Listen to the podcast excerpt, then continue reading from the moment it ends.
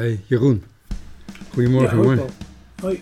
Kijk jij ook wat eh, vaker in de lucht op het ogenblik? Nou, v- vooral naar eh, de weersomstandigheden. Ik hou graag van zonnig. Ook omdat ik in Friesland eh, nog steeds aan het rondreizen ben. En voor de fotografie toch wel liever een zon heb op de landschappen en op de gebouwen. Je ziet dan niet hier en daar zo'n eh, weerballon rondvliegen. Nee, maar dat is, die zijn toch ook helemaal niet interessant voor, eh, voor China. Ja, ik weet het niet. Ze hebben het blijkbaar nodig. Er is, vanochtend is er weer een eh, object uit de lucht geschoten.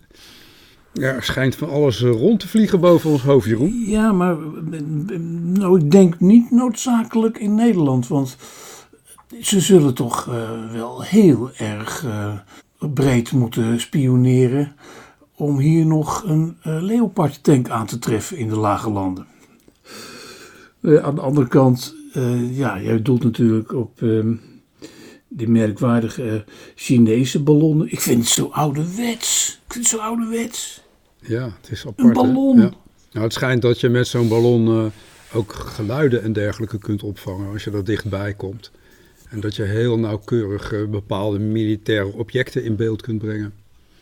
Hebben ze, eh, vroeg ik mij de hele tijd af bij het lezen van deze eh, proefballon in de internationale geopolitiek. Want het is natuurlijk weer, het is Ja, natuurlijk is het, ook ja. weer een, een, een testcase hè, voor de verhoudingen. Eh. Ik dacht van, ik laat me niet beetnemen.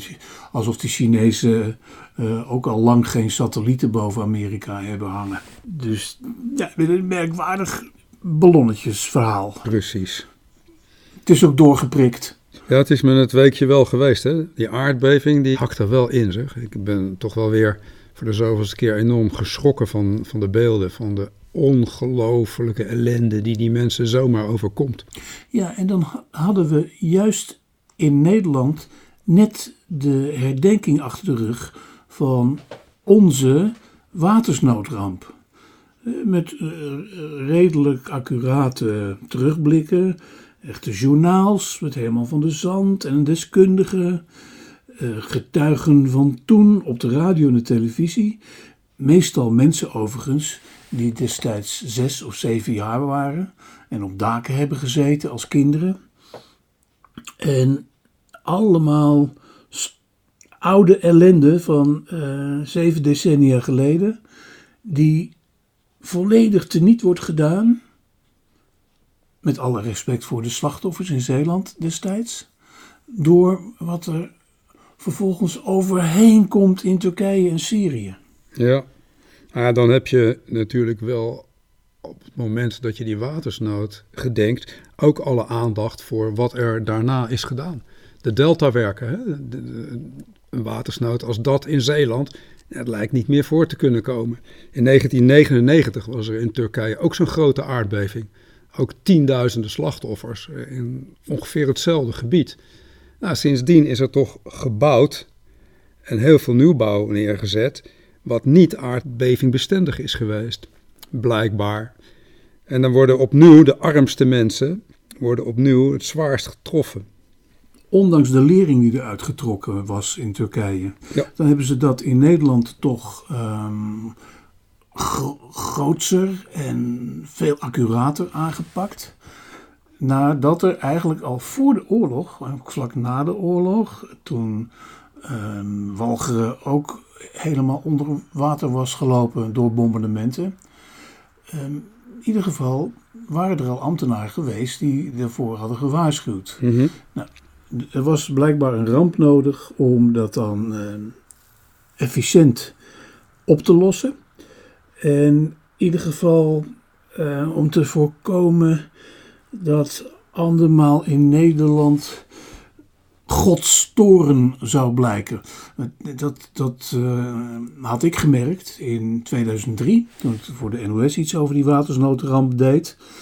Bij lezing eh, van oude kranten bijvoorbeeld, dat eh, in Zeeland, het streng gelovige protestantse Zeeland, toch ook wel werd aangenomen dat God hier had gestraft.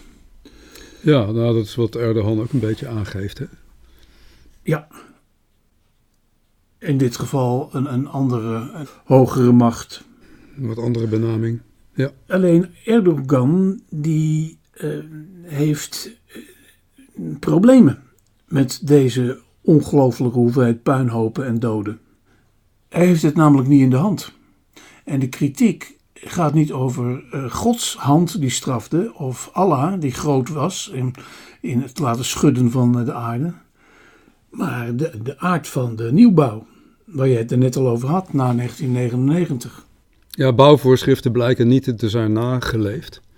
En dan is het ook nog eens zo dat veel uh, gebouwd is door uh, ja, zakenpartners van de regering. Ja, één grote aannemer wordt speciaal genoemd, ook vandaag in de publiciteit. Uh, een, een, een mega aannemersbedrijf dat blijkbaar dan minder nauw zou nemen of hebben genomen met de bouw. Wat mij ook wel opvalt, jou misschien ook, als je die beelden ziet, eh, dat er tussen de puinhopen van de gebouwen, die of recht naar beneden zijn gevallen, ingestort, of gebouwen die uh, een soort van zijdelings zijn omgevallen, toch ook gebouwen nog overeind staan. Jazeker, het schijnt best mogelijk te zijn om aardbeving bestendig te bouwen. En uh, daar is heel veel over nagedacht. Alleen het is heel kostbaar. En dat is het, altijd de ellende in, in zo'n gebied waar veel armere mensen wonen, waar heel veel verwoest is en waar ja, heel veel opnieuw moet worden opgebouwd. Dan is snelheid ook geboden. En dan krijg je toch dat er ja, goedkoop gebouwd wordt. En dat de mensen opnieuw getroffen kunnen worden door zo'n aardbeving. Nou, je zei terecht net uh, ook Syrië, er gaat wel heel erg veel aandacht uit op dit moment naar Turkije. Maar in Syrië zijn de mensen natuurlijk misschien nog wel zwaarder getroffen. Daar zijn op dit moment 5,3 miljoen mensen dakloos. Mensen die eerst getroffen zijn door de oorlog. De oorlog uh, Assad, de uh, ISIS, strijdgroepen, rebellen. Turkije die daar een bufferzone heeft proberen te creëren. De Russen die daar hebben gebombardeerd. Mensen zijn zo, zo zwaar getroffen. Nu een aardbeving eroverheen. Mensen die van geen kanten hulp kunnen krijgen. Dat is echt afschuwelijk wat hier gebeurt. Het is echt een humanitaire ramp. Nou ja, het is juist door deze aardbeving dat die humanitaire ramp aan het licht komt. Uh, hij uh, bestond al. Maar we weten Alleen... natuurlijk het nodige van, want we vangen veel vluchtelingen uit dat gebied op. Ja, zeker. Nou, het is de vraag of daar nu door deze, nou, nou eens een keer natuurramp, niet weer een extra golf deze kant op komt. Ja, natuurlijk gaat dat gebeuren. Mensen kunnen geen kant op. Waar ze in Nederland en Europa ook steeds meer over het plaatsen van hekken beginnen te discussiëren. Ja, er zal toch op een of andere manier internationale hulp moeten komen. Om, om mensen in die gebieden enig soelaas te bieden. Om ook vluchtelingenstromen beetje te voorkomen, in te dammen, eh, minder noodzakelijk te maken.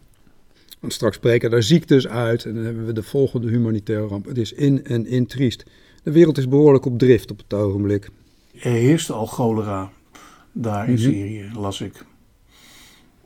Maar uh, dat wordt ook uh, natuurlijk extra probleem voor Erdogan in de aanloop naar de verkiezingen in Turkije. Ja, in mei hè? Want want meneer heeft uh, hier natuurlijk wel een vertrouwensbreuk op aardbevingsrampniveau uh, te pakken. Ja, dat weten we nog niet. Dat, Jeroen, daar ben ik een beetje huiverig op. Als ik lees uh, hoeveel commentaren dat al zeggen, dat valt nog te bezien.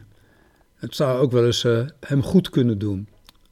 Erdogan is notabene aan de macht gekomen doordat hij heel veel kritiek had op de vorige regering. Wat betreft het oplossen van de aardbevingsschade in 1999. Mm. In 2002 is hij aan de macht gekomen, mede vanwege die grote kritiek.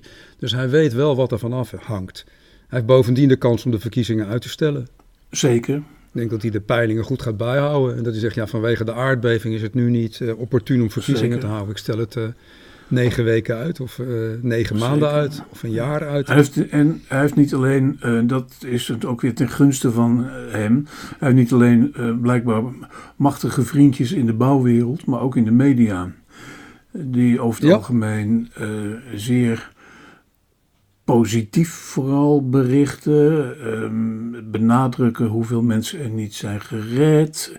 En hoeveel werk, eh, werk ehm, daar wordt gedaan door hoe dan ook traag aan de gang gegaan eh, redders. Maar de publiciteit heeft hij nog redelijk in de hand, waar hij blijkbaar gewoon de omvang van deze natuuringreep niet kon controleren. Is, dit is niet te controleren, blijkbaar. Nee, maar de hulp wel. En dat is wat mensen op dit moment het hardst nodig hebben. Hulp. Nou ja, Nederland kan weer ehm, een, een, een mooie dag vol met hulpbiedende BN'ers verwachten rond Giro 555. Hè? Komende, komende week is het weer zover, toch? Dat eh, is ook wel mooi bij dit soort rampen. Dat we in ieder geval iets eh, kunnen doen. Prima. Volgende. Wat mij deze week ook heel sterk opviel, is de grote winsten. Van met name, eh, ja, eerst hadden we Shell, nou, banken en Unilever. Juist daar waar de prijzen enorm stijgen, voedsel, energie, daar waar de mensen het meest over klagen, waar de regering notabene probeert prijsplafonds in te stellen of eh, lonen extra te verhogen, daar zie je dat eh, grote monopolistische bedrijven gigantische winsten aan het maken zijn. In plaats van dat dat soort bedrijven op dit moment ook iets matigen in hun prijzen, zie je die prijzen alleen maar stijgen en verder omhoog gaan. Nou ja, de, de verontwaardiging is navenant. Eh, niet op natuurramphoogte, maar wel heel hardnekkig. Het is natuurlijk eh eh, obscene. Mhm. En eh, het is eh, buiten alle proporties. Eh, blijkbaar eh, profiteren genoemde bedrijven van eh, een wetmatigheid in eh, hun eh, sector, die eh, tot dit soort winsten leidt. En er zit dan weer iets heel, heel geks aan, iets heel apart. Heel veel van de winsten gaat naar de aandeelhouders. Een groot, heel groot gedeelte van die aandeelhouders zijn pensioenfondsen. Dus de pensioenen profiteren er weer van. En ik weet niet of jij dat hebt gehad deze week. Ik in ieder geval wel. Een mail van het pensioenfonds. Waarbij ik mijn risico moet gaan aangeven. We krijgen een nieuw pensioenstelsel. En in dat nieuwe pensioenstelsel kun je blijkbaar eh, speculeren met je pensioen. Je moet aangeven of je een hoog risico wilt lopen bij de belegging van het pensioenfonds of een laag risico. Heb je dat ook gezien? Ik krijg geen mail, maar ik krijg gewoon post. En ehm, ik heb eh, tot mijn grote vreugde gemerkt dat ik met ingang van 2023 domweg een hoger pensioen krijg. Ik krijg gewoon meer. Ja, dat was voor iedereen gelijk. Hè? Maar nu ga je in dat nieuwe pensioenfonds ga je zien dat beleggingen van die pensioenfondsen directe invloed hebben op jouw pensioen. En je kunt dan zelf een bepaald risicoprofiel gaan kiezen. Ja, alsof je, Nou ja, dan is het wel weer, weer fijn uh, mega alsof je, ja, Het is wel pervers. alsof je eh, eh, de illusie krijgt aangereikt dat je er toch nog greep op hebt. Ja, Maar maar wel een beetje pervers, weet je? Zeker, zeker. Maar waar, waar blijft de greep op dit soort winsten? En ehm, waar wordt bijvoorbeeld op Europees niveau nou eens een keer aangekaart eh, dat er eh, van die winsten toch eh, een behoorlijke deel eh, moet terugvloeien naar allerlei noodzakelijke voorzieningen? Heb jij dat al gehoord? Nou ja, de, de, de roep is er natuurlijk wel. Ja, het zijn private ondernemingen. Dus ja, dat is allemaal niet zo eenvoudig. Nee, ook omdat die eh, natuurlijk hun tentakels eh, heel diep eh, in de regeringen zelf hebben. Ja, maar ook het zijn multinationals. Dus op het moment dat het ene land zijn restricties eh, oplegt, gaan ze naar een ander land. Maar dat hebben we gezien met Unilever. Is weg uit Nederland. Ja. Kunnen zich in Engeland meer permitteren sinds de brexit. Ja, ja. Het is een prisoners dilemma. En dan geef ik ook nog eh, ja, net aan dat ook nog de pensioenen er straks nog van afhankelijk worden. Meer dan nu. Van beleggingen. Het is wel heel raar hoor. Ja, Geeft dit toch ook niet aan eh, wat de werkelijkheid is naast de complotten, naast aantijgingen jegens het World Economic Forum? Geeft juist ook deze publiciteit, eh, de gebleken winstcijfers ook niet aan wie werkelijk de macht hebben? Ja, dat is zo. Zo is dat. Ja, dat klopt. Ook gelet op wat jij net zegt. Ja, dan zie je ook nog eens de corruptie deze week. Mevrouw Smit-Kroes, dankzij eh, goed speurwerk van de Volkskrant, is naar buiten gekomen. Een wisseling van berichten tussen Smit-Kroes en Rutte, waarbij zij vraagt of Rutte het hoofd van Uber wil ontmoeten. En dat uh, deed zij in een periode dat ze net geen commissaris meer was van de Europese gemeenschap. Ja. En al wetende dat ze twee jaar later, na zo'n afkoelingsperiode waarbij je geen lobbywerkzaamheden mag verrichten, voor Uber ging werken. En zij heeft Rutte gevraagd om die, die Travis Kalanick te ontmoeten, het hoofd van Uber. En Rutte heeft daar toen niet rechtstreeks op ingegaan, maar heeft dat later informeel wel gedaan. Uiteindelijk was de lobby erop gericht om zo'n bedrijf dan weer een goede fiscale positie in Nederland te bieden. En eventueel zelfs te subsidiëren als het gaat om allerlei uh, systemen die digitaal zijn en waarmee die uh, chauffeurs hun opdrachten krijgen. Ja, het is eigenlijk ook weer heel pervers. Ja, maar wat was het resultaat? Uh, heeft Nelly de volle buit binnengehaald, is jouw indruk? En zij heeft zelf er een mooi baantje aan overgehouden, twee ton per jaar. Ja, dat is strafbaar, Jeroen. En het wordt gewoon even ja, afgedaan als, uh, als iets wat niet helemaal goed gelopen is. We zagen het deze week ook binnen het Europees Parlement. Een Poolse parlementariër. Die werkte voor uh, golfstaten. Daar ook een uh, flink bedrag voor opstreek. En gunstig liet stemmen, gunstig sprak over die golfstaten en voor hun belangrijke zaken. Ja, pure corruptie. Ja, dan hebben we in Nederland hebben we de mos hè, in Den Haag. Dat is dan maar een, een kleine, goed bedoelende vrije jongen, een, soort krabbelaar. Ja. Daar gaat alle aandacht naar uit. Daar worden gigantische eisen aangesteld. En dit soort mensen die gaan voorlopig nog een beetje min of meer vrij uit. Nou, ik weet niet hoe dat is met uh, die Poolse parlementariër in het Europees parlement. Maar mevrouw uh, Kroes die verdwijnt niet twee jaar achter nee. de tralies. Nee, maar hier blijkt dus... is ja, uiterst bedenkelijk. Dus, met het beeld voor ogen van vrouw Justitia en haar weegschaal, dat er toch met uh, verschillende maten wordt gemeten. En dat de een er met machtige um, connecties duidelijk beter afkomt dan de ander. Mm -hmm. al, al, al, zat hij de mos, naar mijn idee, toch uh, behoorlijk fout. Ja, ik weet het niet. ik, ik, ik, uh, ik, probeer het een beetje te volgen als oud-Hagenaar. Ja. Ja, ik weet niet. Het, het, heeft, het heeft ergens ook wel iets sympathieks, moet ik zeggen. Volgens mij had zelfs de rechter een beetje dat gevoel. Ja, het is natuurlijk wel heel erg de geleidende schaal. En het is eigenlijk iets wat, ja, waarvan je denkt, ja, zo moet het natuurlijk niet. Maar het heeft ook wel weer iets aparts. Eén uh, ding moet ik hem nageven. Het is niet in het verborgene gegaan. Het is allemaal open, het is allemaal uh, traceerbaar. Er zijn meerdere ambtenaren bij betrokken geweest. Uh, nou, ik weet niet hoe dat precies zit met die uh, e-mail-uitwisseling. Daar is natuurlijk door het Openbaar Ministerie wel het nodige boven water gehaald, wat niet openbaar was. Maar verder, ja, het lijkt toch niet echt dat er iemand zodanig bevooroordeeld is dat een ander er nadeel van heeft gehad. Of dat er iemand zodanig bevooroordeeld is dat hij zichzelf enorm heeft kunnen verrijken. In ieder geval de mos niet. Dus het is een hele, hele aardige zaak om te volgen. Met heel veel dilemma's. En ik denk inderdaad dat het wel aan een geleidende schaal is. En dat er wel een uh, schrobbering uit voort zal komen. Maar of die na twee jaar de gevangenis in moet, ik weet het niet. Ik, vind het, ik moet er wel inderdaad heel vaak denken aan uh, Jacobsen en Van S. Hè? Ja, en de Bie, de vrije jongens van de tegenpartij. Ja die ritselen en regelen en uh, uh, ja, Den Haag op de kaart willen zetten. Dat, uh, dat, dat ja, het is bijna, bijna werkelijkheid geworden. Ja, de mos was ook oh zo goed voor Den Haag. Hè? En allemaal heel goed bedoeld. Ja. Maar nee, misschien was dat ook wel zo. blijft bij mij toch iets hangen van hij heeft het nodige in zijn zak gestoken van bepaalde. Nee, nee, nee, dat heeft hij niet. Nee, dat is niet bewezen. Dat, dat, daar, daar heeft het ook de schijn niet van. Balletje gehakt, boottochtje, maar verder niet. Hij heeft zich niet persoonlijk verrijkt. Daar is geen, geen enkel uh, spoor van aangetroffen. Ja.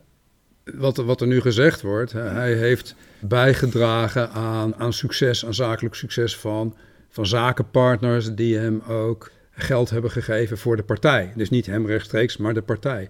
En daar is geen enkel bewijs van en er is ook geen enkele aanwijzing voor dat geld daarvan in zijn eigen zakken is verdwenen. Dus in zoverre is dat uh, redelijk, ja, redelijk zuiver lijkt het.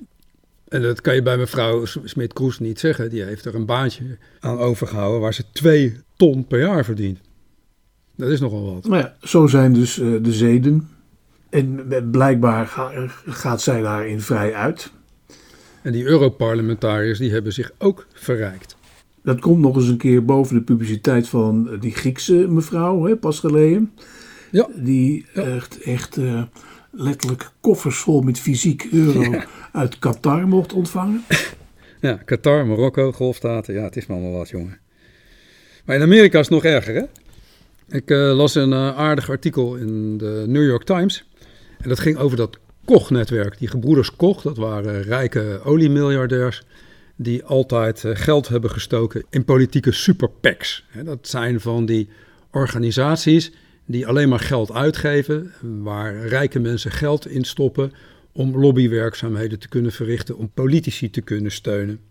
Nou, die, dat Koch-netwerk, dat bestaat uit mensen die altijd ja, het liefst zo min mogelijk belasting betalen, vrij eh, rechtse signatuur hebben, over het algemeen ook republikeinen steunen. En die willen nu ook van de presidentskandidatuur van Trump af. Die willen hem niet langer eh, als president zien. En die hebben nu besloten, en dat is echt nieuw, dat ze zelfs de voorverkiezingen willen gaan steunen. Dus die willen zelf een kandidaat naar voren laten schuiven. En kunnen zelfs met zoveel geld eh, zwaaien dat ze een kandidatuur kunnen uitlokken als tegenkandidatuur voor Trump. Ja, en degene die zo'n kandidatuur start met heel veel geld, ja, die krijgt natuurlijk heel veel aandacht en is meteen meer kansrijk. Ja, ook dat is natuurlijk bizar in een democratie. Gaat het al zo over geld? Dat wordt nu alleen maar erger. Spreken ze zich ook eh, in eh, dit soort bewoordingen uit over Trump? Ja, ja. ze zegt we moeten het, eh, het verleden achter ons laten. We moeten de afgelopen periode achter ons laten. Mhm. Dus dat is heel erg duidelijk. Ja, Trump heeft zich al kandidaat gesteld. En dat ze ook zeggen, het is nu tijd om voor het eerst ook een kandidaat te gaan steunen in voorverkiezingen. Dus helemaal aan het begin. Ja. Maar hebben ze zich ook al uitgesproken voor een zo'n kandidaat? Nee, dat nog niet. En, is er ook niet een teneur richting een bepaalde kandidaat? Nee. Nee, dat nog niet. Ik denk dat ze nu gaan wachten wie zich gaat aandienen. En daar stoppen ze dan al hun miljoenen, miljarden in? Ja, dat gaat om veel geld. Hm. Er werd eh, gezegd dat ze in de verkiezingen van 2020 bijna 500 miljoen hebben besteed. Ja, moet je nagaan. Het, is dan toch, toch de vraag in welke kant ehm, van die Republikeinse partij dat geld zal worden gestort. Die partij is nogal verdeeld, zeg, is wel gebleken bij eh, ehm, de nieuwe samenstelling van het Huis van Afgevaardigden. Dus, ehm, Mhm. Nou, ik denk dat zij eh, een beetje mm, wars zijn van al die zware complotdenkers. Omdat die ook niet meer de publieke steun hebben. Tenminste, niet overweldigend. En betekent dat dan dat ze meer teneur, dat er een teneur is voor de, de meer reële, gematigde republikeinse kant van de partij? Nou, ik weet niet of dat gematigd moet zijn, maar het is, moet wel Mhm. iemand zijn die wat meer democratisch is. En meer feitelijk eh, werkt.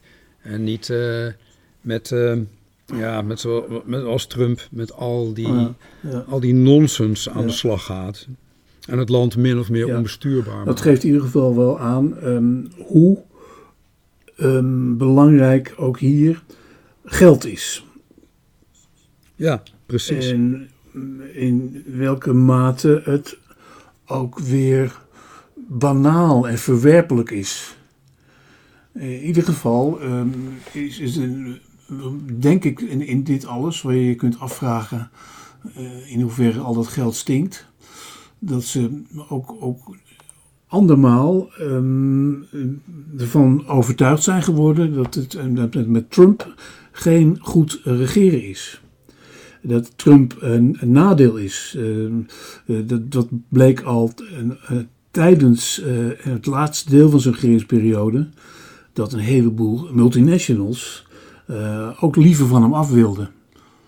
Omdat hij een klimaat schiep waar dat ook voor hun ongunstig was in internationale sfeer. En um, vertelt het artikel in New York Times ook daar iets over, over die teneur? Nee, nee, nee, het was echt een nieuwsartikel. Waarin uh, dus ook gesteld werd nu dat de, dit Koch-netwerk van zeer rijke donateuren al heel vroeg in die verkiezingen wil participeren. Al heel vroeg invloed wil uitoefenen. En dat was in het verleden niet zo. Dan steunde men echte kandidaten. Dus op een gegeven moment, als de voorverkiezingen achter de rug waren, dan kwam er een presidentskandidaat uit en die werd dan vol gesteund. Of uh, bepaalde gouverneurs. Maar hier wil men zelfs mm -hmm. uh, een, een, een, kandidaat uh, steunen die nog helemaal aan het begin moet staan van de voorverkiezingen. Dus helemaal begint. Ja. En daarmee willen ze eigenlijk een bepaalde toon zetten, een bepaalde teneur ja. aangeven. Ja, ja. Maar het is in ieder geval ten gunste van een, een republikein. Dat weet ik ook niet. Het zou zelfs een uh, democraat kunnen zijn. Maar dat ligt niet echt oh. in de verwachtingen. Oh, oh. Nou, de Democratische Partij is op dit moment ook ernstig verdeeld. Hè? Alleen ja. lijkt het erop dat Biden daar gewoon weer de kandidaat gaat worden. Al is het natuurlijk ook wel de vraag: kan iemand die dik in de tachtig is, kan die nog president worden voor nog eens vier jaar? Ja, dat is het merkwaardige. Dat is het merkwaardige. Uh, het enige wat ik denk is, uh, nou ja, misschien wel een bevestiging van wat ik ooit uh, las van Jan Blokker. Nou, dat is wel een tijd geleden, zeg, in de Volkskrant. Als columnist beweerde hij dat er in New York waarschijnlijk kantoorgebouwen vol zijn met veel geschiktere kandidaten voor het bestuur van het land dan wat er in Washington zit. Alleen pijnzen die mensen er niet voor, ondanks al hun kwalificaties, om daarin te treden. En dat, dat is dus ook uh, mijn twijfel bij het uh, lezen over een nieuwe kandidatuur, of een herhaalde kandidatuur van Biden. Of er werkelijk geen jongere, um, fittere, democratische uh, mensen zijn die zich, um, nou ja, energiek en vitaal opwerpen als de best mogelijke opvolger van Biden. Het is heel vreemd in zo'n enorm land. Ja, nou, we zullen het snel weten. Ja. We zullen het snel weten. Ja, nog een jaartje, weer verkiezingen. Hè? Ja, over uh, steun gesproken. Zullen we even terugkeren naar uh, ons eigen land. Ik zag een uh, pagina grote advertentie voor um, ten gunste van de vrijheid van schrijvers en vooral ten gunste van de in opspraak geraakte Pim Lammers.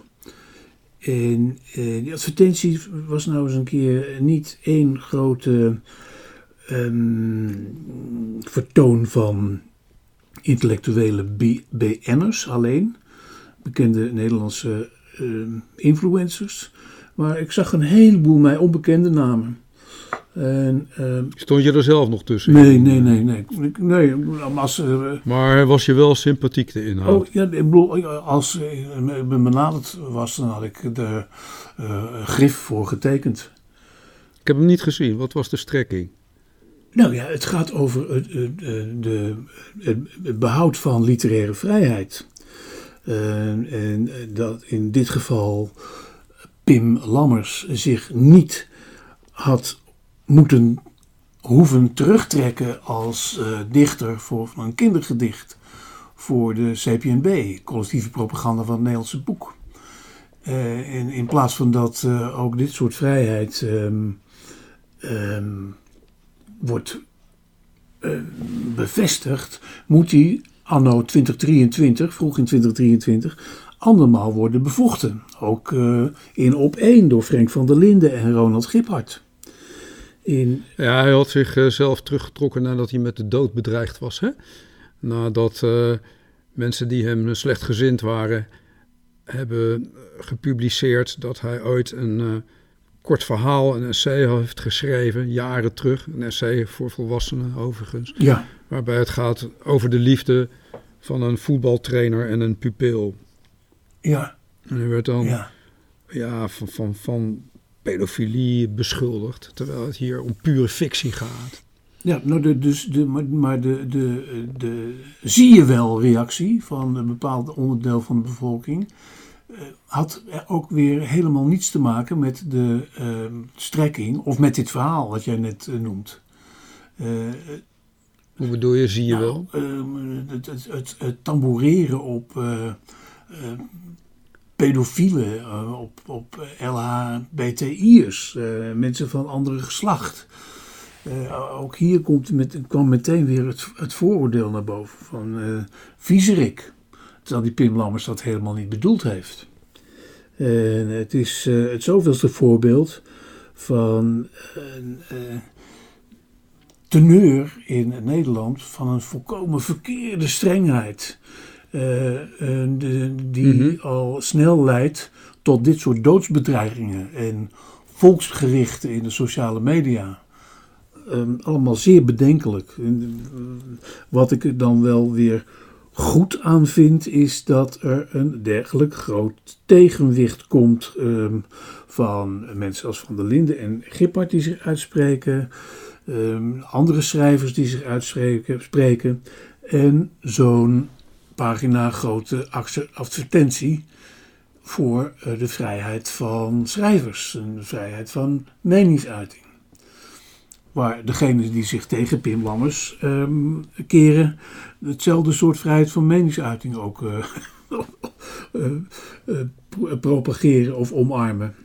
Dus in ieder geval, in ieder geval wel weer een blijk van die merkwaardige polarisatie in Nederland.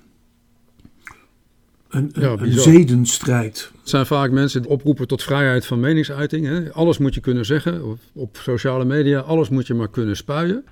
Maar intussen tijd worden er wel mensen met de dood bedreigd om een fictief verhaal.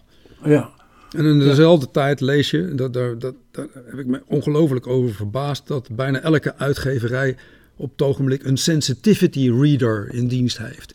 Iemand die kijkt of in wat geschreven wordt door auteurs niet aanleiding gevonden kan worden dat iemand zich gekwetst voelt. Het is een rare tijd. Is niet een functie van literatuur ook dat mensen eens een keer op een andere manier kijken? Dat ze eens een keer gekwetst worden, dat ze een keer werkelijk gaan nadenken. ja. En is dat inderdaad niet iets wat we met hand en tand zullen moeten beschermen? Weg met de sensitivity ja readers. nee, het hebben we eens.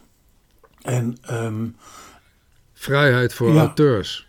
Bescherming voor, Ja. voor auteurs. ja, Oppakken mensen die anoniem doodsbedreiging rondslingeren. Ja, ja nou we- weet je, ehm, er zit in dit alles denk ik ook wel een hele goede roman.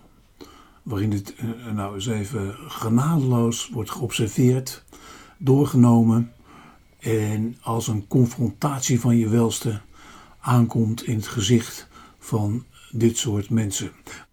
Het heeft eh, ook iets heel bizars op het ogenblik. Daar waar we leven in wat we vaak noemen een, een woke cultuur. Hè? Dus een, een, een, een cultuur waar inclusiviteit voorop staat. In film, in literatuur, in de samenleving, in het onderwijs. Zie je het tegenovergestelde als reactie plaatsvinden.